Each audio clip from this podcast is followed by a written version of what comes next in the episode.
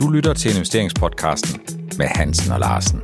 Stedet, hvor de private investorer uge efter uge bliver opdateret på investeringstendenser i øjenhøjde. Velkommen til investeringspodcasten med Hansen og Larsen, afsnit 163. Er det længe siden, du har været i Tivoli, Helge? Det må jeg sige, øh, men jeg har jo været en rusjebanetur som investor her i, i foråret her. Det må jeg sige, det har været op og ned hele tiden. Jeg håber ikke sidste gang, du var der, du faldt i grøften. Øh, så det vi skal ind på i dag, i dagens afsnit, jamen det er jo et tilbageblik på første kvartal. Første kvartal, som jo for investorerne har været lidt ligesom en rutsjebanetur, som er budt på en hel del af mange forskellige ting, og så håber jeg, at vi på en eller anden måde kan lave en form for konsensus om, hvor det er for nogle ting, som investorerne med fordel kan holde øje med, hvis det er sådan, de skal prøve at kigge på, om vi kan komme godt videre. Hvis vi kigger på, hvordan året startede, jamen så tog 2023 tog jo udgangspunkt i det, der var sket i 2022. De balancerede investorer, 60-40 porteføljeinvestorerne, de fik klø i 2022. De forsigtige, som havde lugtet lunden, havde lugtet inflationslunden, de er solgt ud af deres aktier, havde positioneret sig i de meget forsigtige obligationer troede de. Og samtidig, jamen så var det sådan, at de normale opportune aktieinvestorer, de tænkte, det skal nok gå uanset hvad, fordi aktier er jo et reelt aktiv, og hvis inflationsforventninger lige pludselig stikker afsted, jamen så er vi nok ikke så ildestet, når det er sådan, vi investerer i aktier. Men 2022 helge, puha, det blev hverken godt for de defensive, der havde købt obligationer, for de balancerede med en 60-40, og jo slet ikke for dem, der havde mange aktier. Det er du fuldstændig ret i, medmindre man lå i nogle af de sikre havne, som vi måske kan komme ind på senere. Ikke? At der var jo nogle steder, man kunne få gemme sig, og det er der jo nogen, der gør.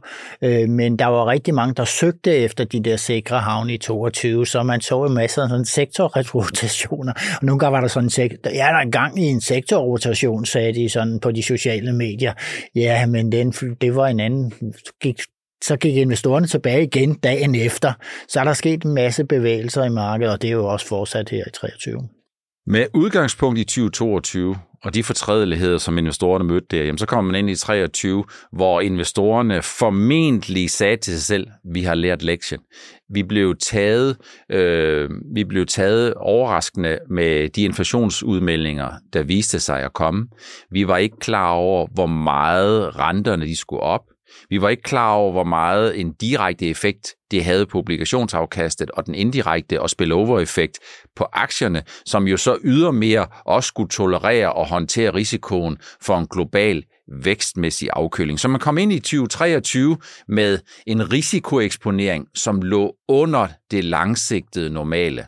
Og så skete der jo det i januar måned, Helge, som det ikke sker så sjældent, at rygterne eller forlydnerne om, at noget går galt, de løber jo altid i forvejen, og de altid opportune investorer, jamen de havde jo ultimo 2022 positioneret sig til, at 2023 det ville blive mere end det, vi har set i 2022. Og lige pludselig, i januar måned, så genfandt investorerne sig selv i en situation, hvor de manglede risiko.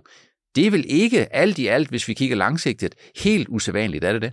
Det er slet ikke usædvanligt, og det er jo det der med, at man lige pludselig tænker, nå, nu har vi set bunden, og hvad er det værste, der kan ske, og sådan og Så går man så nogle overvejelser på den front.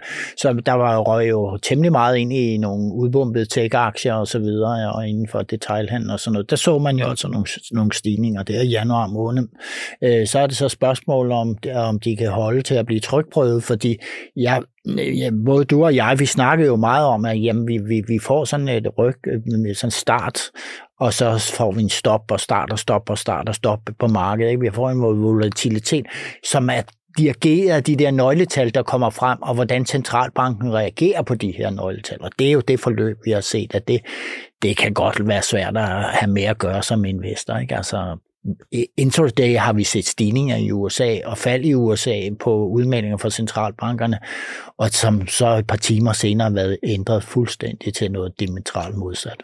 Men hvis vi lige prøver at holde lidt fast i den helge, inden vi laver fast forward, jamen så er det vel et rigtig godt eller et rigtig dårligt udtryk for, at det er dagsformen på markedet, der bestemmer, om aktierne slutter 1,6% op, og investorerne er glade, eller om vi lige pludselig bliver fanget i sådan en 250-300 punkter nedtur, hvor investorerne de er nedtrykte. Og det er vel også et budskab, som er vigtigt at sende til investorerne, at det ikke nødvendigvis udtryk for det nye normale efterfølgende, hvis aktierne i USA slutter 2% ned eller slutter 2% op. For det handler meget om de stemninger, der var på dagen, om den positionering, der var på dagen, og den momentuminvestering, som kortsigtet vel spiller en stadig større rolle, end den nogensinde har gjort tidligere. Altså det vi ser, det er normalt, så kører investorer, de kører med et langt lys på. Men i det her tilfælde, så kører de med toglygter, vil jeg sige. Ikke? Og der sådan lyser lige ned på vejbanen lige foran dem. Det er det, det, er det billede, jeg har sådan, at, at den udvikling, der er i aktiemarkedet, og det, der sker der. Og det er jo meget det der med, ind det ene sted, så hopper man videre til den næste tue, og så videre. Ikke? Så jamen, det, det, det, det har, sådan har det jo faktisk været i hele kvartalet. Hvis vi kom lidt videre ind i februar måned, jamen øh, så var det sådan, at øh, de risikofyldte aktiver, de var begyndt at have det rigtig godt, og investorerne, de manglede noget risikoeksponering. Og det havde jo den konsekvens, at aktien de gik op, og investorerne begyndte i det mindste at drømme sig til et guldlok-scenarie. Det guldlok-scenarie, som øh, jo øh, fik den prædikat, at vi både kunne få en amerikansk centralbank, som kunne orkestrere en blød landing, at vi relativt hurtigt fik prisstigningerne ned i et leje, der gjorde, at hvis der blev behov for det, så ville vi kunne få den bagstoppende og understøttende hånd fra den amerikanske centralbank, og vi fik egentlig det bedste af alle verdener. Vi fik en fornuftig vækstudvikling, ingen vækstnedjusteringer, ingen behov for tilpasning af virksomhedernes indtjeningsforventninger, samtidig med, at vi kunne se en inflations- og en rentetop. Og det varede vel en del af februar måned, Helge? Ja, det gjorde det. Der var en tre uger der, hvor, hvor man diskuterede det her scenarie, men øh, altså, jeg havde det lidt svært med det her, fordi jeg kunne se, at energipriserne de var faldet rigtig meget. Og øh, det er jo så en af forudsætningerne for, at inflationen generelt falder. Men så så vi samtidig det her med, at der var et bullerne øh, øh, arbejdsmarked, og jeg tænkte, det, det, det her kan ikke hænge sammen, for efterspørgselen bliver altså ikke presset nok til, at inflationen kan gå ned. Og det viser sig også være tilfældet, ikke? fordi at øh, man så jo altså nogle inflationstal, som, ah, der kan godt komme noget mere pres på fra centralbankens side for at sætte renten op. Så det vi så med inflationstallet, og vi så med rentebevægelsen og alt muligt, det var ligesom det der, som du meget rigtig var inde på. Det er on og off frem og tilbage hele tiden, og det næste gode nøgletal gav forventninger om, der kom endnu et, så kom der et, der vendte den anden vej, og investorerne var sådan lidt øh, i et foranderligt scenarie. Men det gik egentlig okay indtil ultimo februar og indtil begyndelsen af marts. Så kom der noget, som slog stemningen lidt i stykker. Det var onsdag den 8. marts, så vidt jeg husker. Jamen der fandt vi lige pludselig ud af, at der var en bank, som jeg tror langt de fleste af os enten ikke kendte, eller ikke havde bidt mærke i Silicon Valley Bank, som øh, gjorde opmærksom på, at de skulle lige hente et par milliarder dollar i nye og Det skal jo nok gå. Men så sagde investorerne, nej, det skal vi faktisk ikke. Fordi de blev lidt lorende ved, om den forretningsmodel, der var i Silicon Valley Bank, om den var holdbar. De havde jo tiltrukket noget indlån, og det er jo sådan set rigtig fint. Øh, men på et tidspunkt, så havde de placeret en lang række af de her indlån, dem havde de placeret i nogle obligationer, som ikke længere havde den værdi, øh, som man ligesom kunne se, de havde købt dem til. Så forsvandt tilliden, og derfra så begyndte det finansielle system jo at ryste en hel del. Så fik vi øh, Credit Suisse, jeg tror, de svejtiske myndigheder havde sagt, at lidt ligesom Nick og Jay, de havde kun haft en dag tilbage, hvis ikke det var sådan, at vi havde arrangeret et ægteskab sammen med deres storebror. Det lyder jo lidt, lidt forfærdeligt, men sammen med UBS. Øh, og investorerne var vel lidt nervøse for på det tidspunkt, Helge, om det her det var en upsløsning. Ja, det må man nok sige. Men det, der sker med banker, det er så specielt. Øh, for, for, for, altså virksomheder kan jo godt melde ud, at øh, jamen, nu skal de ud og hente nogle flere penge og så videre, og sådan, uden at der kommer meget uro. Men banker, det er Det er jo det, det handler om, om stor tillid til. Og det der, når man først ser skred i, øh, skred i, i, i det her med, at, man, at, at nu vil kunderne hente deres indlån tilbage. Altså, de vil hæve deres penge, og så vil det ikke være der mere. Jamen, så bliver, får vi den her store tillidskrise, og jeg vil sige, lige de, de før, det, det, det, det er jo de svageste, der knækker først, altså dem, der er mest udsatte og gør med størst risiko. Og det har, har så været de, de her eksempler, du lige har nævnt her. Øh, Credit Suisse har været snakket om i mange, mange år. Ikke? Så, så jeg må sige, på en eller anden måde kommer der jo nu en konsolidering i bankbranchen, godt hjulpet af, af, centralbankerne. Ikke? Øh, kommer der en konsolidering, og så kan vi jo så håbe på, at vi kommer om på den anden side endnu, med en endnu stærkere banksektor, end vi har haft før. Men øh, ja, jeg ved det ikke, Per. Altså, jeg synes, det der med obligationerne og, og kurstabet på dem, det, det var altså noget, jeg ikke vidste rigtig noget om. Og det, når jeg, lige meget hvem jeg snakker så med, så er det kommet bag på dem. Det er meget få, der har været ude og nævne det her i 22, at det kunne være ske. Men der er nogle enkelte økonomer, der har fat i det. Man kan sige, at det her det er jo sådan lidt ligesom det plejer at være, at øh, det er ikke et problem, før det lige pludselig er et meget et problem, stort problem. Ja, ja. I kølvand på det, jamen så begyndte renterne at falde, og investorerne de begyndte at inddiskontere ikke kun, at vi havde set toppen på de 10-årige rente, men også, at det inden så længe formentlig kan blive øh, virkelighed, at den amerikanske centralbank har nået rentetoppen, og at den amerikanske centralbank kommer til at sætte renten ned i anden halvdel af 2023, simpelthen fordi den kumulerede, den akkumulerede, den samlede effekt af de rentestigninger, vi har set, og den finansielle kreditopstramning, der normalt er normen i øh, banker, når det er sådan, der er uro, det til sammen, det giver en effekt, der lige agtigt vil gøre pengepolitikken til det, som centralbanken jo har sagt restriktivt, altså der, hvor det gør ondt på forbrugerne, og der, hvor virksomhederne, de vil begynde at spænde investeringslivremmen lidt ind. Og det er vel den virkelighed, vi er i, hvad vi er i sådan aktuelt her og nu, Helge. Ja, umiddelbart skulle man mene det, og især efter der er kommet den her bankkrise oven i hatten, ikke, hvor med opstramninger på kreditvilkårene, sammen med de høje renter, som øh, centralbank måske kan komme med en øh, kan komme med lidt en eller to øh, renteforhold så yderligere, ikke? Så tror jeg også på det her scenarie, vi måske i, i det sidste kvartal her på året, øh, kan, så bliver man nødt til at sætte renten ned. Men vi skal jo ind i den udvikling, hvor man kan se, at væksten den, den falder. Og imod det taler jo hele den der store, kæmpe store grønne omstilling, man er i gang med. For det er jo øh, industrier, det er jo sådan nogle værdikæder, der er enormt store. Og der skal man jo have dygtige folk ind. De skal godt nok flyttes ind andre steder fra, men man skal have dygtige folk ind. Og der, det giver pres på lønningerne. Også der, og så vil jeg tro stadigvæk tech-branchen, den, der er jo del af den, som virkelig kan buller ud af de kommende år også i kombination med, at tech-branchen skal levere løsninger til den grønne løsning. Inden vi sådan lige går videre, Helge, så kunne jeg godt tænke mig lige sende et, et lille hip til noget, som jeg meget ofte hører og læser, og som jeg også tidligere har kommunikeret på, som jeg synes er relevant at sige. Når det er sådan, at I kigger på renteudvikling på korte papirer, øh, så skal I passe meget på, øh, når I hører udtrykket, nu er der diskonteret det og det ind. På kort sigt, når folk og investorerne de er meget nervøse, jamen så svarer det der, der er diskonteret ind, det svarer til den nervøsitet og den investorpositionering, der lige er sket. Så det er ikke et udtryk for, og I skal ikke tage, udtryk, øh, tage udgangspunkt i, at det, at renterne lige pludselig falder med 30-50 basispunkter i den korte ende, det er udtryk for, at man nu forventer det ene eller det andet. Det er et udtryk for den effekt, som investorpositionering og nervøsiteten har på et givet aktiv og meget ofte obligationer. Bare sådan det er givet videre øh, til, øh, til dem, som stadigvæk måske eventuelt måtte være i tvivl. Vi står vel her, Helge, hvor det er realistisk, i hvert fald i det mindste, at spørge sig selv, hvis centralbanken kommer i en situation, og nu snakker vi om den amerikanske, fordi det, som den amerikanske gør, det gør ECB formentlig meget ofte lidt senere, plus minus.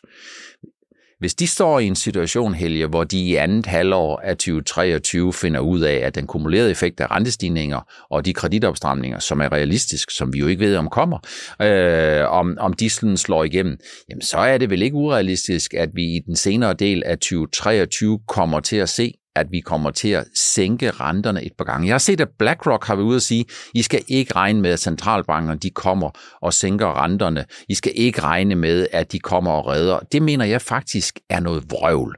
Og når jeg siger det, så er det jo ikke fordi, at jeg ikke ved, at det er logikken på kort sigt. Fordi først så skal være inflationen dramatisk ned. Først skal det gøre ondt. Men derefter, jamen så er der for mig at se slet ikke nogen tvivl om, at hvis købekraften den giver efter, hvis forbrugerne de giver efter, hvis det er sådan inflation den er på vej ned, og hvis det er sådan den amerikanske økonomi, som er blevet desværre mere realistisk, kommer ind i en recession, jamen så giver alle de der størrelser altså rigtig meget, og så må man bare sige, at så laver øh, øh, Federal Reserve formentlig ikke en pirouette, men så laver de sådan det, man kalder et pivot. Jo, det er nævnt før. Altså, vi skal igennem en periode, hvor man kan se, at man, de her nøgletal, de arter så øh, sådan, så væksten går ned, og så kan, så kan man, øh, så, så har man jo det værktøj, at man kan jo skrue renten ned. Altså, det er ikke kun op, den kan også skrues ned. Og det kan jo så blive nødvendigt, hvis, øh, hvis væksten, den, øh, øh hvis der kommer for meget recession, ikke? Så, så kan man gøre det. Men jeg vil se, jeg vil se det, for jeg skal længere frem, før jeg kan sådan, sådan sådan forholdt mig sådan rigtigt til det der, fordi jeg for, det forekommer mig helt, øh, blandt andet det, jeg nævnte før med den grønne omstilling, det, altså der er godt nok knald på derude i mange industrier. Ikke? Det er jo den gode nyhed. Den gode nyhed, det er, at hvis vi kommer ned i sådan en vækst under afkøling, så er der stadigvæk masser af job at få, og ja, der er også sådan. masser af muskler investeringsmæssigt, og øh, man kan gribe fat i de, øh, de øh, kommende år. Øh, så hold øje med de her ting. Jeg kunne godt tænke mig at slå en lille smule ned på det nøgletal, der kom i går, øh, der med amerikanske forbrugertillid. Og det er ikke fordi, jeg synes, man skal feste 100% lid til den, men amerikansk forbrugertillid, den kommer faktisk ud øh, tirsdag den 28. marts, lidt bedre eller noget bedre end forventet. På den ene side, så kan man jo sige, hold da fast, skulle vi ikke allerede nu have set, at den uro, der var i SVB, Credit Suisse, First Republic Bank og de andre banker, ville sætte sig i forbrugertilliden. Og det tror jeg bare, det er alt for tidligt at se det. Der var det, der hedder cut-off, det vil sige, dataene de slutter med at blive indsamlet den 20. marts. Det er på den ene side cirka en uge efter, at vi fandt ud af, at der var de her udfordringer. Men selvom aktiemarkedet de har fundet ud af, at der er problemer, så er det jo ikke sikkert, at det påvirker Mr. og Mrs. Sixpack, når det er sådan, de skal ud og handle. Ja, men det er fuldstændig rigtigt. Vi, vi har jo også set det samme øh, på de danske forbrugertillidstal. Ikke? De var lang tid om at svinge rundt, og det ser man jo også øh, her i det her tilfælde. Ikke? Så ja, altså realiteterne indhenter, indhenter på et eller andet tidspunkt de her tillidstal, og så kommer de til at rette sig efter det, og så halter de så bagefter, når det går den anden vej.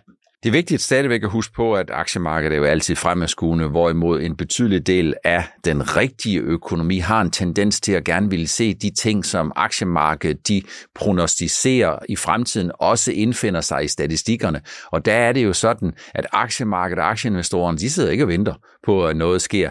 De håber på, at de på en eller anden måde kan forudse, hvad det er, der kommer til at ske. Så hvis man skal kigge Helge, i det der billede, der hedder inflation, stigende renter, Øh, nu har jeg faktisk slet ikke snakket om geopolitik, for vi har jo stadigvæk en fuldstændig uforløst situation, Rusland og Ukraine. Vi har noget, der hedder øh, USA mod Kina, eller Kina mod den vestlige verden.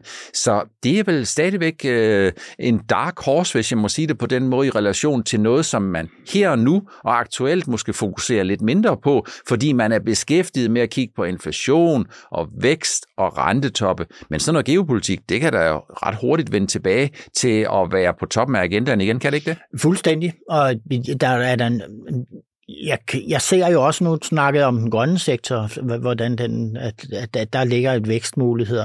Men desværre den geopolitiske situation, vi har, den gør jo, at der bliver investeret enormt meget i våbenindustrien, og det er igen så en lang værdikæde, ikke? Der, de går tilbage til bilfabrikker som, så, og producenter er underleverandør, og alt det her, det er jo to, det er altså, altså to store sektorer, der skal investeres rigtig mange penge i, og det giver rigtig mange arbejdspladser, og det giver meget godt pres på priser opad og lønninger. Ikke? Så, så der er, altså, geopolitikken, den, den, den er også inde over der, både positivt og negativt hvis vi skal sådan kigge på de grønne aktier, lige fokusere lidt på det, så kan man sige, Helle, det kan da godt være, at det er et langsigtet enormt investeringsbehov. Det er jo ikke sådan noget, der sådan for alvor her og nu øh, øh, giver sig udslag i markant stigende aktiekurs på de grønne. Og det er vel stadigvæk, fordi investorerne, de ømmer sig over den likviditetsboble og bonanza, der kom i 2020, da den grønne omstilling sådan for alvor fik midler at gå på, fordi der væltede ufattelige mængder af penge ind i de her grønne aktier, som indtjeningen på kort sigt slet ikke kunne berettige til. Vi har en aktiekurs som for eksempel Ørsted, som ligger omkring 550-560. Vi har en Vestas, som ligger omkring øh, 185-190, som, hvor, man, hvor alle godt kan se, at det langsigtede potentiale, det er godt, men hvor investorerne jo også er nødsat til ligesom at kigge på det her og så sige, ja, men det er faktisk ikke sådan, at prisfastsættelsen i de her aktier er meget lav. Det er den jo ikke. Altså slet ikke. Det, det, hvis du kigger på nøgletallene, så er de jo Ja, altså, jeg undrer mig stadigvæk over, at øh, det, der skete her med de der bobler, der skabte dem for tech og det grønne her, det var vildt voldsomt. Ikke? Altså bare se sprintsektoren, som øh, der kan man godt sige, at der er man jo kommet ned på nogle realistiske nøgletal, men øh, det er man ikke inden for vind og sol og sådan noget stadigvæk. Man skal jo dele sol og vind lige, og man må sige, inden for brintsektoren, der viser sig at være lidt for meget varm luft i øh, prisfastsættelsen. Ja, det må man sige. Når nu vi er sådan ved de her sikre havne, og vi ligesom har snakket lidt om, at de grønne har ikke vist sig at være den sikre havn, og det giver mig anledning til endnu en gang at understrege, at det er ikke en anbefaling om at købe og sælge i Vestas, i Ørsted, nogle af de andre grønne aktier, og for den sags skyld heller ikke i Novo Nordisk, som jeg vil ind på her, Helge, for det har jo været en fed forretning. Det har været en fantastisk udvikling. Øh, det er ikke fordi, vi anbefaler dig at købe eller sælge i Novo Nordisk, men man kan ikke sådan få øjnene helt væk fra, at Novo Nordisk er jo kommet ind i det fine selskab, der hedder i top 20 eller noget i den stil, for de selskaber i verden, som har den højeste markedsværdi som børsnoteret selskab. Det er jo helt vanvittigt. Ja, det er det. Altså, da jeg udgav min bog, Den tålmodige investor i 2018, så hældede jeg jo et øh, par sider og skrive om, hvorfor Novo udgjorde min, på det tidspunkt min anden største øh, investering i familiens porteføljer. Og det, det var jo det her fedme. Øh, og det er noget, jeg har stødt på i den sundhedssektor, jeg har bevæget mig professionelt i ved siden af det her med aktierne. Og Jamen, det er bare sådan, at det, det er fedme eksploderer over hele verden, og man siger, at det, at man har et øh, sundhedsskadeligt øh, øh, BMI, ja, i USA 2030 er det 50 procent af befolkningen, man regner med. Så det er jo virkelig det er jo virkelig et område, som bliver stort. Vi snakkede før udsendelsen, at det her kan blive større end diabetes. Ja, det kan det, fordi at fedmen er jo sådan prædiabetes mange gange, øh, og der sker noget med insulinresistensen. Så allerede der kan man forebygge det. Altså øh, for fedmen ned, så forebygger man også øh, diabetes, og det er jo fantastisk godt at have noget, der forebygger det. Men det er jo dyrt, må jeg nok sige, for forbrugeren derude, eller for den, der bliver ramt af fedme, og så skal ud og betale selv. Det er sådan, det er mange steder i verden, og når sikkert også vil blive, at øh, staterne ikke går ind og er så gavmilde, men efterspørgelsen er jo helt enorm på produktet, og vi må jo håbe, at Novo kan følge med, med produktionsmæssigt. Ikke? Det må vi håbe. Det må vi håbe for Novo Nordisk, og det må vi håbe for, for alle de investorer, som jo sætter deres penge i tiltro til det. Hos, hos Nordnet der er det mere end 85.000 på skandinavisk plan. I Danmark er det cirka 70.000, som ejer en aktie, en ejerandel i ingen over og ingen ved siden af Novo Nordisk. Noget af det, som du har fremhævet, Helge, det er jo, hold øje med selskabernes guidance, hold øje med de her sikre havne, og hvis det er sådan, at man ligesom tænker, at de sikre havne skal være sikre, jamen så er der jo i en urolig tid ikke noget, som man 100% kan være sikker på. Heller ikke engang i princippet novodorisk i den forstand, at de gør det udmærket, men en gang imellem, der kan der godt være nogen, der ryster lidt på hånden, og det er jo sådan, at når Novo Nordisk har haft den der fuldstændig fænomenale udvikling, som den har haft, så skal man jo huske på, at en gang imellem kan det godt være, at aktiekursen den kører en lille smule fra vækstestimaterne, ja, og hvis ja, ja, ja, kursen stiger mere, end indtjeningsforventninger berettiger til, så bliver varen jo alt andet lige, så altså, bliver den dyre. Ja, Per, lad os lige tage det med, med selskabernes regnskaber og guiding. Det mener jeg virkelig. Altså, vi, vi har jo været eksponenter for at forklare, at det hele markedet er fyldt med støj. Der kommer nøgletal, og der kommer nye meldinger fra centralbanker. Alt muligt, som vi ikke ligesom... Det, kan, det er svært at forholde sig til, men en ting, man kan forholde sig som investor, også hvis man har trukket sig ud på sidelinjen med sine kontanter, det er at kigge på regnskaberne i selskaberne. Hvordan performer de i en svær tid, på et tidspunkt, hvor deres omkostninger stiger på grund af inflation osv. Hvordan klarer de sig? Hvordan er, er ledelsen i de her virksomheder? Hvordan harmonerer de udmeldinger, de har om fremtiden, med det, de, de opnår kvartal efter kvartal? På den måde kan man så ligesom få rammet tingene ind og sige, her har vi nogle gode, sunde virksomheder. Og så kan man jo se kigge på sektorer, der normalt ikke, når der er uro i markedet, rammes så hårdt. Og det er jo typisk inden for Big Pharma, de man medicin sælger, men alligevel i gamle dage, hvor det også bryggerierne, vi er sådan nogen, så jamen lige meget hvor stor krise og recession der er, så skal der stadig drikkes øl, og måske mere, når der er krise. Ikke? Sådan, øh, så havde man så nogle sektorer, man, man regnede med. Ikke? Og Big Pharma er jo en rigtig god idé, hvis, øh, hvis, øh, hvis man øh, vil finde et sted, der måske ikke er, us, altså, som er et sted, hvor man måske har en mindre risiko for, for fald tingene. Og så kan man jo så kigge på PE-værdien, og det er lige nu nævner du øh, øh, Novo.